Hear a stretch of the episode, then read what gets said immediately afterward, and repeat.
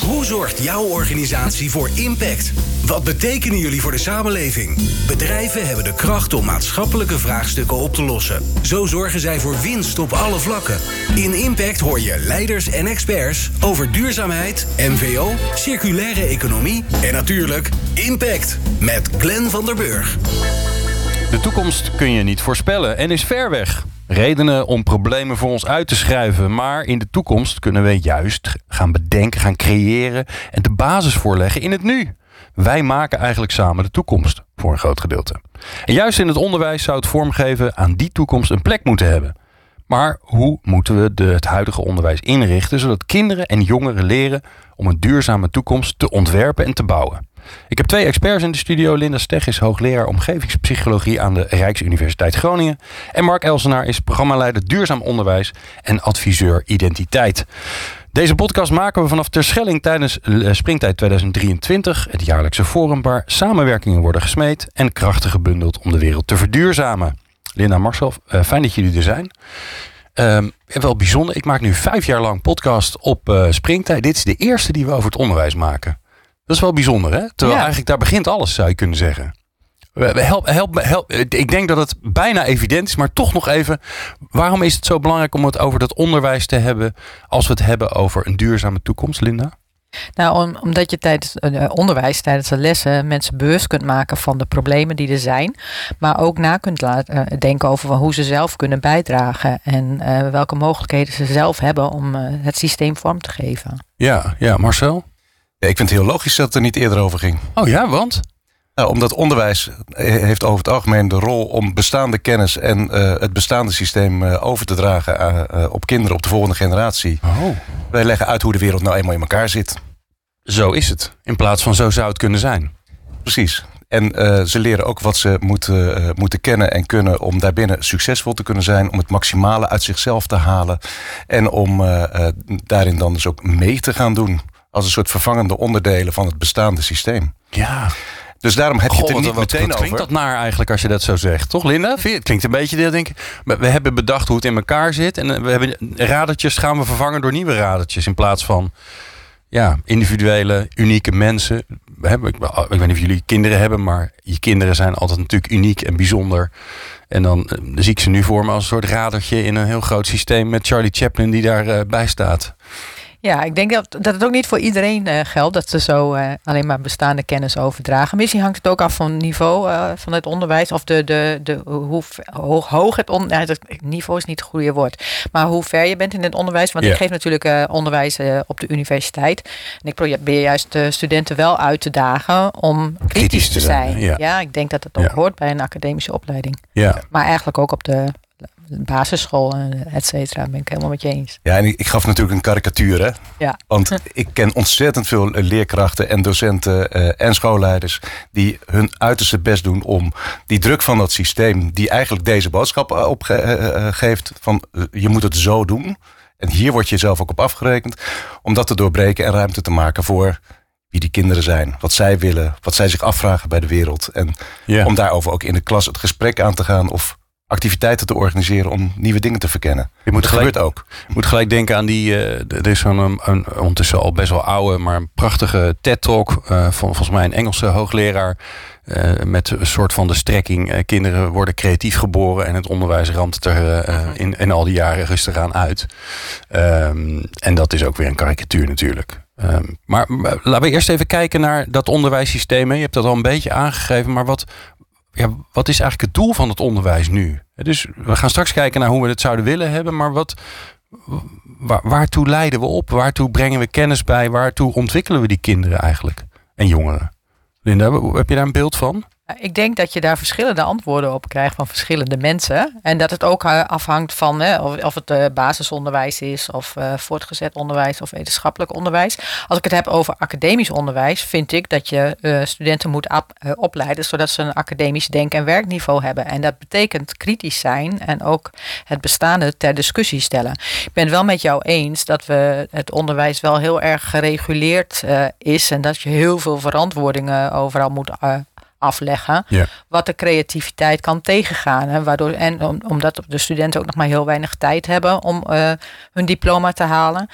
Worden ze ook uh, getriggerd om maar zo snel mogelijk hun punten te scoren. En dan krijg je vragen als uh, tijdens colleges van uh, is dit onderdeel van het tentamen? Want dan is het interessant. En Ja, als het ja. niet onderdeel is van het tentamen is het niet interessant. Dan lopen de mensen weg. En ja. dat is natuurlijk heel erg eh, ja, jammer en ook zonde van de leerervaring die ze kunnen krijgen. Waarom is dat jammer? Wat gaat er dan verloren? Omdat ze dan alleen maar eh, leren eh, wat, wat eh, nodig is om een tentamen te halen. En niet leren om na te denken over welke bijdrage je kunt leveren aan een betere samenleving. Ja. Ja, ik heb ooit eh, de minister, een, een, een vorige minister van Onderwijs gehad. En die noemde dat een negatieve leerervaring. En dat komt erop neer dat, nou, dat toch kinderen voor een groot gedeelte ook afleren dat leren leuk is. Ja. Eh, terwijl, ja, ik weet niet, voordat kinderen op school zitten, of zelfs op de peuterschool en volgens mij ook de eerste twee jaar van de basisschool, zijn ze vooral heel lekker aan het spelen. Leren ze ongelooflijk veel zonder dat ze doorhebben dat ze aan het leren zijn. Tenminste in de traditionele zin. Ja, maar dat, dat is uh, ook wel het betoog van uh, de onderwijsprofessor uh, Gert Bista. Dat hij zegt, ja, precies dat woord dat school is om te leren, dat houdt een soort reductie in. Want dan is het ontdekken, het verkennen, het een beeld leren vormen van deze werkelijkheid en hoe dingen werken of kunnen werken. Dat verdwijnt dan eigenlijk, want het, het leren wordt nou, verpakt in leerdoelen. En daarmee wordt het ook eigenlijk ja, gereduceerd. Maar word je eigenlijk als mens ook ja, gereduceerd tot degene die ja, die uh, leeropbrengst moet genereren. Leeropbrengst, ja, dat vind ik al heel eng Ja. klinken. Ja. Ja. Ja. Ja, het is ook meer reproduceren dan, hè? In plaats Het is van echt- reproduceren en goed vragen van... wacht eens even, hoe, uh, hoe score ik hier een goed cijfer voor? Ja, Wat Nee, moet dat ik doen is voor dat ja, is precies wat Linda zei natuurlijk. Ja. hè. Ja, ik, eh, Ja. wa- Wat kan ik doen om dat, eh, om dat cijfer te halen of om het überhaupt te halen? En de rest is dan een beetje, ja, of, of je wordt ergens door gegrepen en dan, is het, dan ga je er tijd in stoppen. Maar dan moet je wel heel gemotiveerd zijn, anders denk je, nou, dit- eigenlijk is dit niet zo relevant. Tegelijkertijd kennen we heel veel manieren van inrichten van onderwijs... waarin dat juist wel kan en waarin het ook gebeurt. En ehm, ik denk dat, dat daar ook de, nou ja, de hoop zit voor, voor eh, goed onderwijs en leuk onderwijs. Ehm, omdat leerlingen dan uitgedaagd worden om te ontdekken, te, te onderzoeken... en eh, eh, ook mee te ontwerpen aan, aan bepaalde vraagstukken. Ja. En waarbij de docenten ook soms verrast worden door waar leerlingen eigenlijk mee bezig zijn. En waar ze interesse voor hebben vanuit zichzelf. Als ze ergens op gewezen worden. En dat ze dan met elkaar eigenlijk ook ja, aangezet worden. En dan zeggen ze, goh, ik wou dat ze er altijd zo bij zaten. Ja. Ja, en dat, eh, dat kan ik me ook voor docenten. En dan gaan, we, dan gaan we kijken. Daarna gaan we kijken naar de toekomst. Ik kan me ook voor docenten zo goed voorstellen dat ze. Zij zitten ook in die, in die ja, in dat eh, ja, bijna een soort eh, worden gekneveld om te doen. om te zorgen dat kinderen hun, nou ja, dat ze over die hordes kunnen springen. Mhm. Terwijl er natuurlijk niks leuker is dan om te zien dat een kind helemaal enthousiast wordt van het vak wat jij hebt. ja. Eh, en dan daarna eh, komt het wel vanzelf eigenlijk. Ja. Zou je- en dat ze komen met iets wat niet de opdracht was. ja. Ja, ja, ja. En dat, dat sluiten we aan bij, ik heb hier een foto meegenomen. Die kunnen jullie thuis niet zien. Maar ja. een kunstwerk wat eh, Gert Biester heeft opgenomen in een recent boekje. En dat is een, zijn neonletters met daarop... There will be no miracles here. Hm. Er zit een verhaaltje achter. ja. Kunstenaar heeft die zin gehaald uit een 17e eeuws decreet eh, van de koning in Frankrijk. Dat was bij een bepaald dorpje. Daar gebeurde te veel bovennatuurlijke dingen. En de koning zei, waarschijnlijk dan in het Frans... There will be no miracles here. En hij zegt van, ik ben bang dat veel mensen denken dat dit bordje op elke school staat. Ja, ja, ja. Terwijl mens worden, eh, deel uitmaken van deze wereld, iets te brengen hebben als mens, ja, dat, dat is een wonderlijk proces. Ja, nou en sterker nog, juist dat hebben we natuurlijk heel hard nodig. Want eh, nou ja, wij, wij praten bij Impact heel veel over duurzaamheid. En eh, ondertussen hoeven we niet meer zo heel hard eh, met elkaar te praten over... is dit nou belangrijk en moeten we er wat aan gaan doen? En wat is er eigenlijk aan de hand? Dat is voor een groot gedeelte eigenlijk wel duidelijk. Nu is het vooral een kwestie van voor elkaar krijgen met z'n allen. En daar merk je gewoon in dat, ehm, dat die, die versnelling moet erin komen. We willen dat allemaal wel, maar het lukt gewoon niet. Omdat we niet de creativiteit of de, de slimheid of de verbeeldingskracht hebben om dat te doen. We- Waarom is het dan juist zo belangrijk dat we eh, met kinderen, met jongeren daarop inzetten? Op het verbeelden van die toekomst. Van wat willen we nou eigenlijk? In plaats van zo is het en hier pas je erin. Linda?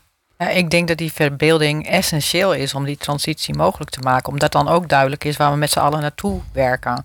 Want anders eh, bestaat het risico dat we alleen maar denken: oh, het moet anders. Dus wat we doen, nu doen mag niet meer.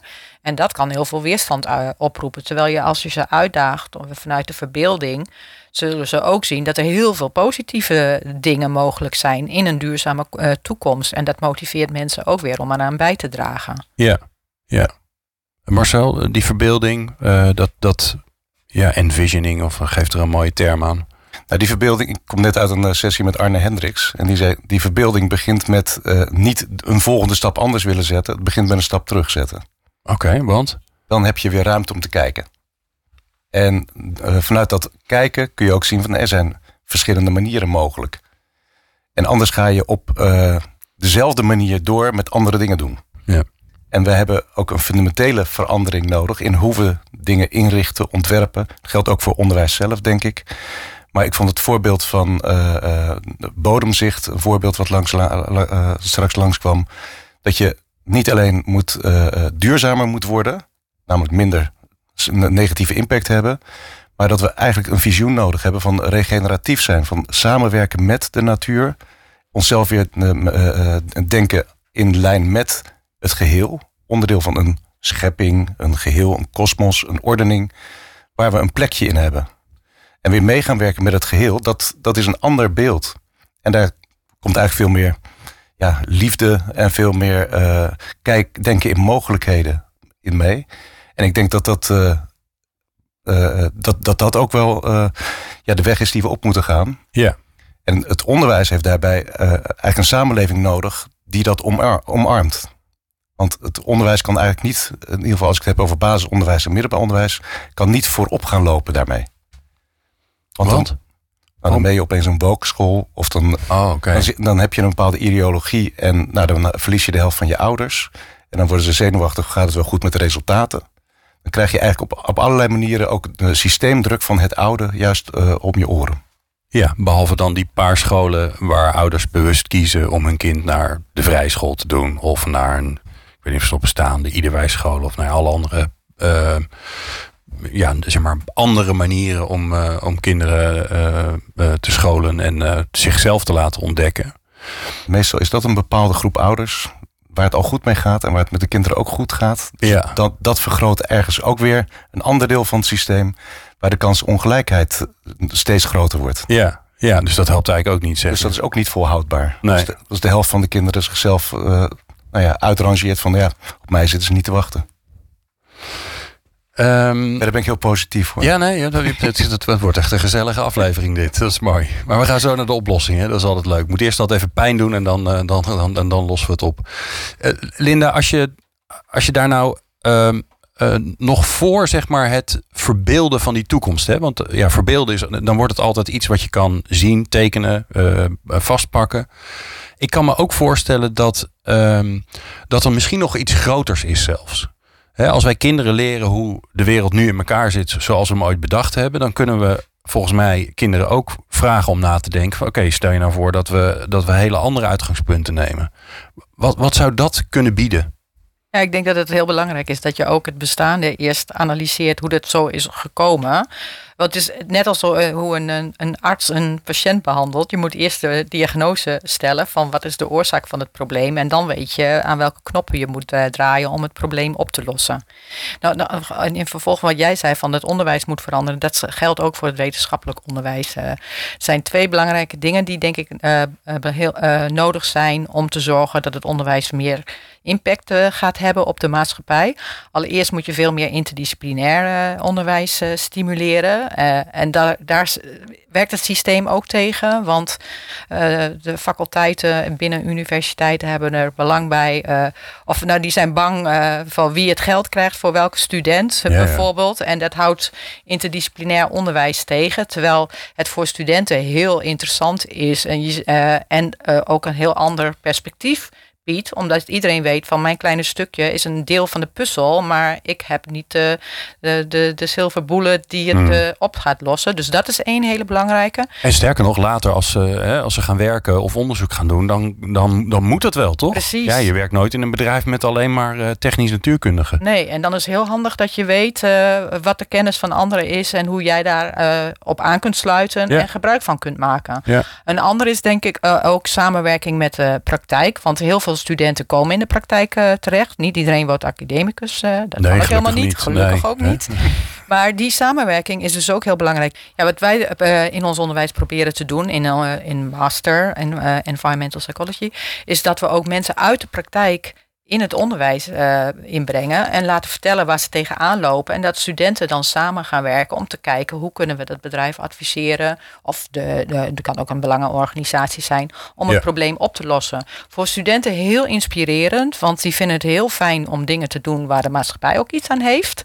En voor het, die organisatie ook belangrijk, want die krijgen gewoon eh, kennis van die studenten. En ik ben helemaal met je eens, je bent verbaasd vaak over de kwaliteit eh, van de inzichten en de adviezen die ze geven. Dus we onderschatten ook heel vaak eh, eh, de, de, de kennis en de kundigheden van studenten en leerlingen. Nou ja, en juist die, die, die frisse blik, dat, die verwondering om ook te zeggen, ja maar, en dan gewoon heel vaak te zeggen, ja maar ik, nou, ik snap het gewoon niet. Wa- Waarom dan? Ja. En ehm, eh, ik heb dat ooit eens een keer gehad, dat, dat, we, dat we in een gesprek erop uitkwamen, dat ging over hoe organisaties in elkaar zitten, dat iemand zei, ja maar wat als we elkaar nou eens wel vertrouwen? Ja. En dan heel veel van de dingen die we in organisaties doodnormaal vinden, die we ingericht hebben en die we elke keer weer doen, en waar heel veel tijd en energie in gaat zitten, die zijn ineens weg dan. Ja. Dan wordt het een hele kale bende. Ehm, en dan scheelt heel veel gedoe en heel veel tijd. Alleen dat alleen al voorstellen, dat heel, veel- bij heel veel mensen past het gewoon niet in hun hoofd. Nee, ik heb Ja. dat geleerd van Allard Drosten. Ja. Die, eh, die zei van eh, heel veel eh, elementen van organisatie zijn georganiseerd wantrouwen. En op het moment dat ik dat weglaat in mijn, eh, bij mijn bedrijf, is mijn belangrijkste taak als, als directeur om goed om te gaan met mijn angsten. En dat, dat, dat is natuurlijk een hele wijze les. Dat je denkt van ja, er is dus soms ook ander leiderschap nodig. Dat je durft, thema van dit springtij, dat je durft om te vertrouwen. En dat je, eh, dat je dan merkt van, oh wacht eens even, maar dan ga ik het niet controleren op die manier aan de voor. Maar ik ga het in de relatie oplossen. En dat is binnen onderwijs, eh, denk ik, super belangrijk. Ook met, eh, met de kinderen, met jongeren. Dat je leert van, hé, de basis is relatie. En niet prestatie en controle. Ja, ja. ja en, en dat, dat er dus dat het allemaal verschillende individuen zijn die allemaal net even wat anders nodig hebben in plaats van ja, toch het meer het, toch het beetje het fabrieksmatige van zo'n van zo'n onderwijssysteem ook. Laten we eens gaan kijken hoe we het anders zouden willen. Dus we willen dat, dat, dat, er, ehm, eh, dat, er, dat we kinderen, jongeren helpen om na te denken over hoe zouden we het eigenlijk willen hebben? Hoe zou het heel anders kunnen? Eh, wat voor beelden hebben we daarbij? Maar ook hoe, hoe gaan we daar komen? Hè? Want kunnen natuurlijk allemaal dromers op, opleiden, maar dan gebeurt er niks meer. Dus die stappen daar naartoe zijn natuurlijk ook. Hè? Dat in actie komen is ook belangrijk. Hoe zou dat eruit kunnen zien? Laten we dat maar eens even gaan maken met elkaar hier. Kijken of wij het voor elkaar krijgen. Linda? Nou, wat je eh, bijvoorbeeld kunt doen, is dat je meer probleemgericht eh, onderwijs gaat geven. Dat je zegt, nou, dit is het probleem. Eh, denken over wat, wat heeft dat veroorzaakt volgens jou? Eh, en wat zouden we dan moeten doen om die oorzaken weg te nemen of om een heel nieuw systeem te bouwen, zodat we in een eh, ander systeem bela- belanden waar die problemen geen rol meer spelen. Ja. En dus dan, eh, terwijl ze dat doen, weet ik zeker, want ik, ik probeer het ook wel in mijn onderwijs, dat ze met allerlei dingen komen waarvan wij vinden dat ze die moeten leren. Bijvoorbeeld bepaalde theorieën of bepaalde kennis. Dat komt vanzelf dan naar voren, maar dat resoneert dan ook veel beter. Dan onthouden ze ook veel beter, omdat eh, ze veel actiever betrokken zijn dan alleen maar passief in een, in een stoel zitten luisteren naar een eh, monoloog van een docent. Heb je, eh, jij past dat zelf toe. Je hebt net verteld met de praktijk. Noem eens een voorbeeld van zo'n vraagstuk. Nou, wat ik bijvoorbeeld doe, het, zelfs in hele grote collegezalen. Hè. Ik geef ook in het tweede jaar psychologie college, heb je 400 eh, studenten of zo.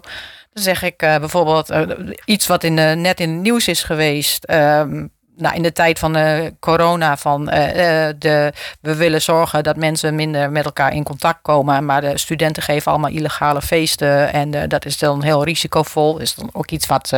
ja, dat hadden we bedacht. Hadden ja. ze zelf ook. dat is heel relevant voor henzelf. Wat zou je de gemeente adviseren om te zorgen dat, ze, dat dat niet meer gebeurt? Of dat ze minder risico gaan nemen? En dan gaan ze erover nadenken. En terwijl ze dat doen, noemen ze allemaal theorieën en interventies die ik anders had besproken. Ja. Maar daar komen ze dan zelf mee. En dan kan ik dan wel weer verder op ingaan als het nog niet uh, goed genoeg is uitgelegd. Maar dat, dan is het onderwijs ook veel actiever. En is voor mijzelf ook veel leuker om de, die interactie okay. te hebben. Nou, dat is een lekker concreet voorbeeld. Uh, Marcel, jij, jij, ja, het is jouw vak hè? Dus uh, wat, wat moet er gebeuren? Het, het, leuke van mijn vak als adviseur bij Verus is dat ik uh, op heel veel scholen kom. En uh, ik zie ook al heel veel mooie uh, beginnetjes. En een zo'n beginnetje waar ik hier nu dan aan moet denken... is dat een, uh, een basisschool met leerlingen van groep 7 en 8... ja, eerst met de leerlingenraad het had over een verkeersprobleem... voor de, in de straat voor de school. En dat de, toen de directeur toevallig iemand op het spoor kwam... die vanuit het programma Minecraft... een mogelijkheid liet zien om daar met, met leerlingen wat mee te doen... En toen zijn ze met die, uh, met die leerlingen aan de slag gegaan om in Minecraft de, de, de, die straat opnieuw te ontwerpen. En ja, er kwamen cool. verschillende hele mooie oplossingen uit. En maar niet alleen oplossingen voor dat ene vraagstukje, maar gewoon een veel mooiere straat met veel meer uh, waarde eigenlijk. Ja. En um, wat die directeur uh, vertelde, wat mij raakte, is dat hij zei van die jongens die vaak op de achterste bank een beetje zitten te hangen, die gingen nu opeens hmm. voorop. En dan realiseer je van, je moet ook verschillende soorten dingen doen om die verschillende kinderen te laten voelen dat ze iemand zijn, dat ze van betekenis kunnen zijn en dat ze uh, ertoe doen. Ja. En ik denk dat dat is dan zo'n onderliggende, uh, uh, ja, zo'n onderstroom. Van, er wordt wel eens gezegd dat on onderwijs begint met de vraag van het kind: leer mij leven. Ja. Leer mij leven. Onderwijs begint met de vraag: leer mij leven. En um, dan zul je zeggen, goh, maar daar, daar, doen de ouders thuis al heel veel aan. kind krijgt vanuit uh, huis een, uh, een, bepaalde socialisatie, een bepaald idee van wat van belang is mee. En komt dan op school en daar komen allemaal verschillen bij elkaar. Nou ja, en dan ga je ervan uit dat het gebeurt, hè? Want uh, er, er, gebeurt altijd wat. Ja, er gebeurt altijd wat. Nee, dat is waar. Nee, dat is waar. En, ja. en, en dat nemen ja. ze mee naar school. Ja. En dat is soms ook heel lastig voor, uh, voor leerkrachten. Want die hebben al die verhalen al die achtergronden van kinderen op de een of andere manier mee te nemen. En richten daar een soort ja, mini-samenleving in, een semi-publieke ruimte. Waarin je leert met elkaar samenleven en samen verantwoordelijk zijn. Nou, en dat, dat is wat ik in die goede voorbeelden zie, is dat dat als uitgangspunt wordt genomen. Ja. Het kind zien en ervan uitgaan dat dat kind van betekenis wil zijn. En dan um, mogen jullie kiezen. Gaan we evalueren en is dat prima? Dus doen we het incrementeel met stapjes en, en, dingen uitproberen. En dan langzaamaan gaat dat systeem een beetje veranderen. Of duurt het veel te lang en moet er een revolutie komen. Dus we moeten gewoon de boel kapot en moeten we iets nieuw, nieuws bedenken. Linda. Um, dat vind ik een hele lastige. Nou, ik denk dat ik dan toch meer neig naar uh, revolutie. Oh, uh, op de barricade, ja. Ja, omdat ik... Uh, er zijn zoveel tegenwerkingen en belangen die het anders tegenhouden. En dan gaat het heel langzaam.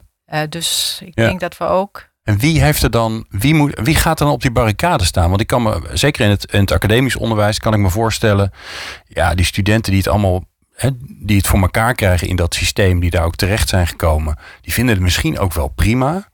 Eh, als, je het, hè, als je er doorheen komt, ligt er natuurlijk ook meestal best een goede toekomst voor je weg. Dus wat is de, wat is, bij wie zit het, het ongenoegen en genoeg boosheid misschien om daadwerkelijk die revolutie uit te roepen? Ja, bij sommige studenten zit het ongenoegen. Bij sommige docenten ook. Ja. Ook bij sommige bestuurders. Dus ik denk eh, dat het een kwestie is van zorgen dat die elkaar vinden. En dat er nu nog eh, te veel mensen op eilandjes zitten en denken dat ze er eh, alleen voor staan. En daardoor heb je te weinig power. Dus de mensen bij Ja. elkaar brengen. Een beweging opzetten. Ja, ja, We zien ook steeds meer hoogleraren op de A12 eh, staan, toch? Ja, ja. Wel opvallend. ja. Wat, ik heb het eh, aan een aantal van onze bestuurders eh, die lid zijn van Verus eh, gevraagd. Van revolutie of evolutie. En ehm, waar ik telkens op stuit is dat iedereen zegt, ja, ik hoor om me heen, iedereen vindt het persoonlijk belang, belangrijk en grote zorg. Maar ik zie niet hoe ik het in mijn professionele rol mee kan nemen. Want ik kan toch niet tegen de hele organisatie gaan zeggen, we moeten nu Anders. allemaal anders gaan doen. Dus bij koersplannen voor de komende vier jaar gaan ze ophalen vanuit de organisatie. Van, goh, wat, wat ziet iedereen? Wat is van belang voor, onze, voor ons onderwijs, onze organisatie? Maar tot schrik van de, van de bestuurder komt er dan vooral terug. Voor, van belang is basisvaardigheden, dat we daar goed op scoren. Ja, moet wel goed En dat mijn vak. Ja. voldoende uren houdt. Nou, en dan zegt zo'n bestuurder op een gegeven moment: Goh, maar jongens, dit is toch echt belangrijk nu in deze tijd. Als de samenleving verandert, dan hebben we toch ander onderwijs in te richten. Maar dat, eh, ehm, dan zijn er sommige docenten die zeggen van... ja, maar dat doe ik al op mijn kleine stukje. Stiekem. Nou, Tussendoor. bij- bijna stiekem of tussendoor in de marge. Ja. En dat vind ik de grote vraag. Hoe kun je meer ruimte maken? Dat datgene wat in de marge ontwikkeld wordt, ook vanuit creativiteit en betrokkenheid, hoe dat meer ruimte, meer, meer stem krijgt. En eh, daarvoor eh, was een van de bestuurders die ik sprak, die zei: ja, er zou vanuit de overheid een subsidie moeten zijn voor eh, een soort van eh, ontwikkeltijd, eh, ontwikkelen van programma's die hierover gaan, waar geen science- science-based theorie achter zit, omdat we dit ook gewoon aldoende uit moeten vinden. En nee, dat is geen experimenteren met leerlingen. Dat is eigenlijk zorgen dat die menselijkheid en die gezamenlijke betrokkenheid bij deze wereld ruimte krijgt. En daar kunnen we met elkaar van leren. En het kan niet eerst een blauwdruk zijn en dat die erdoor gedrukt wordt.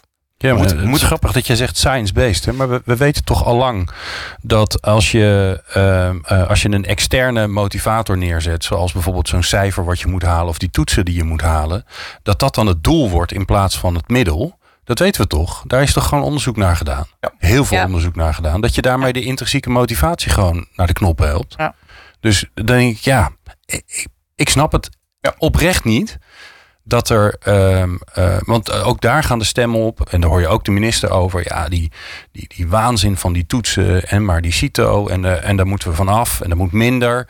Dus, dus het zit er wel. Alleen blijkbaar is het zo, zo in ons, is het zo in elkaar gemetseld dat het echt heel ingewikkeld is om dat af te breken. Tegelijkertijd hoorde ik tijdens een internationale conferentie de directeur innovatie van SLO even aan de buitenlandse SLO. Eh, Stichting Leerplanontwikkeling. Die eh, uitlegde aan de buitenlandse gasten dat wij een heel mooi systeem hebben in Nederland. Dat waarin de overheid terughoudend is in het stellen van kerndoelen. En het is aan het onderwijs om daar goed onderwijs van te maken. Dat klinkt als ruimte. Dat, er is heel veel ruimte. Ja. Maar toen kwam ze van het tweede deel van zijn verhaal. Toen zei hij van, ja, maar we hebben wel examenprogramma's. Ik heb het nu even over het middelbaar onderwijs. Ja. Waarin hele duidelijke doelen zijn. En daar moet je op scoren, want dan krijg je dat diploma. ja, en anders krijg je de inspectie op je dak of je krijgt een slechte Precies. rating. Ja. ja. En, we, en we hebben methodemakers. En die weten van dit vak wordt zoveel uur gegeven. Wij maken een methode waarmee dat helemaal gevuld is. Waarmee die ruimte om te kiezen van... hé, hey, wacht eens even, die, die kerndoelen, hoe bereik ik die... en wat doe ik daarnaast? Ja. Eigenlijk al ingenomen is.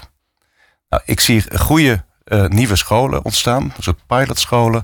die zeggen van wij beginnen bij de kerndoelen... en we bepalen zelf wat we daarnaast ook nog moeten doen. En dan ontstaat er ook ruimte voor eh, maatschappelijke vraagstukken...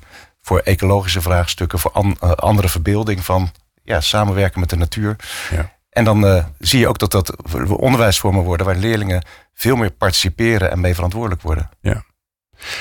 Z- Zou je ook kunnen zeggen, ehm, ja, want eh, het gevaar is een beetje, eh, zeker hier op springtijd, dat we heel vaak bij het systeem uitkomen. Of nog veel erger, de overheid. Hè? Dat, die, Mhm. eh, dat die moet iets moet doen, want daar, dat is mooi, daar hebben we niet zoveel invloed op, behalve stemmen. Of zeggen dat ze wat moeten doen. Als je het weer terugbrengt naar jezelf, eh, in dit geval naar jullie zelf. En volgend jaar komen jullie weer, hier op springtij. Wat heb je dan voor elkaar gekregen? Gewoon lekker concreet. Ja, wie wil?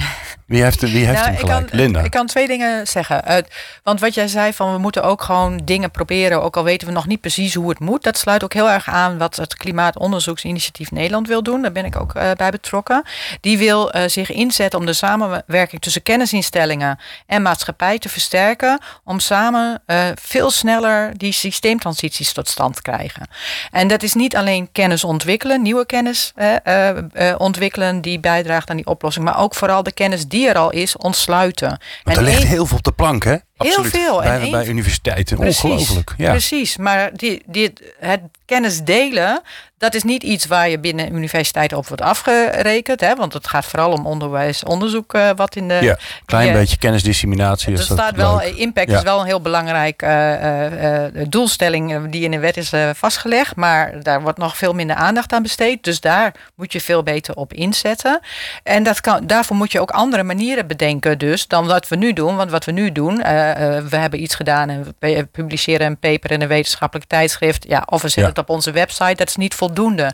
Dus we moeten ook veel creatiever nadenken over hoe we die kennis op een belangrijke manier kunnen delen. Deels ook dus via het onderwijs. En ik ben het helemaal met je eens. We moeten gewoon beginnen. En niet wachten tot we helemaal weten hoe het perfect moet. En aldoende leren. En we Ja. zullen fouten maken. Maar dat is beter dan niets doen. Zeker. Oké. En het is al begonnen. Dat vind ik, dat vind ik eigenlijk het, het hoopvolle en het belangrijke. Dus als ik hier over een jaar sta, dan eh, hoop ik een klein netwerkje van scholen te hebben. Die zeggen van eh, wij willen vanuit het bestaande eh, zorgen dat dat nieuwe, dat andere, dat dat meer ruimte heeft gekregen. En dat we daar met elkaar ook kennis over uitwisselen. En dan niet alleen met onderwijspartijen. Want ik heb geleerd uit een concreet project dat kenniscirculatie tussen samenleving en, en school ook een enorme grote impact heeft. Omdat je dan opeens merkt van ja, dat leren in de samenleving op dit, precies deze onderwerpen, dat komt heel traag het onderwijs binnen. Ja. Eh, voordat dat in een eh, lesboek staat, ja, dat duurt een paar jaar en dan is het meestal ook al achterhaald. Dus ja, want die- zo hard gaat het nu Ja. natuurlijk. die actieve eh, kenniscirculatie eigenlijk weer zien dat onderwijs van de samenleving is en dat we daar samen verantwoordelijk voor zijn. Ja, ik hoop dat ik een netwerk van scholen hier kan presenteren. Ik zeg nou, En meenemen. en meenemen. Alsjeblieft. Ja. Ja. En eh, waarmee we zeggen, ja, wij, wij, wij, wij- doen het. Wij zetten stappen in de richting van een ander, andere inrichting van Ja. ons onderwijs. Ja, grappig. En het is precies, je, je noemde het allebei. En ik dacht, mijn eerste gedachte is, zei, ja, we, we moeten kennisinstellingen en de samenleving, of het onderwijs en de samenleving. Hè? Maar dat, jullie zijn toch onderdeel van de samenleving? Je kan toch niet buiten de samenleving staan? Hè, dus ik, ik, dat was met het eerste, nou ja, wat er bij mij oppopt. Dat ik dacht, oké, blijkbaar heb, heb je het gevoel in, in, in jullie wereld, in jullie taal, dat dat, ja, dat dat toch een beetje erbuiten staat in plaats van midden erin. En verbonden is. Ja, dus de- ik denk dat er een heleboel, eh, ja, zoals ze dat noemen, disconnects eh, zijn. eh, waarin dus de kennis niet de school binnenkomt. En waarin de leerlingen de school niet uitgaan. En daar waar dat wel gebeurt, dat je ziet dat leerlingen gemotiveerder zijn. Ja. En dat ze meer Ja. ervaren dat wat ze leren ook relevant is. Wij hebben hier nog heel veel over te praten. Eh, dat gaan we zeker ook doen, maar niet meer in deze aflevering. Eh, maar ik, eh, ja, ik merk wel dat hier iets ligt waar we nog veel meer aandacht aan moeten besteden. Dus ik dank jullie zeer, eh Linda Steg van de Rijksuniversiteit Groningen en Marcel Elsenaar. Van, je bent van jezelf, hè? Marcel, toch? Of Niet? Ik ben eh, van jezelf. allereerst van mezelf. Maar Oh. ik werk voor de Vereniging voor Christelijk en Katholiek Onderwijs, VERUS. Verus. Dat is een Kijk, landelijke, ja, landelijk netwerk van 600 schoolbesturen. Kijk, nou, daar kan je wel impact maken. En daar heb je naar geluisterd. Naar Impact wil je meer luisteren, dan eh, weet je ons te vinden. Meer afleveringen van Impact vind je op impact.radio.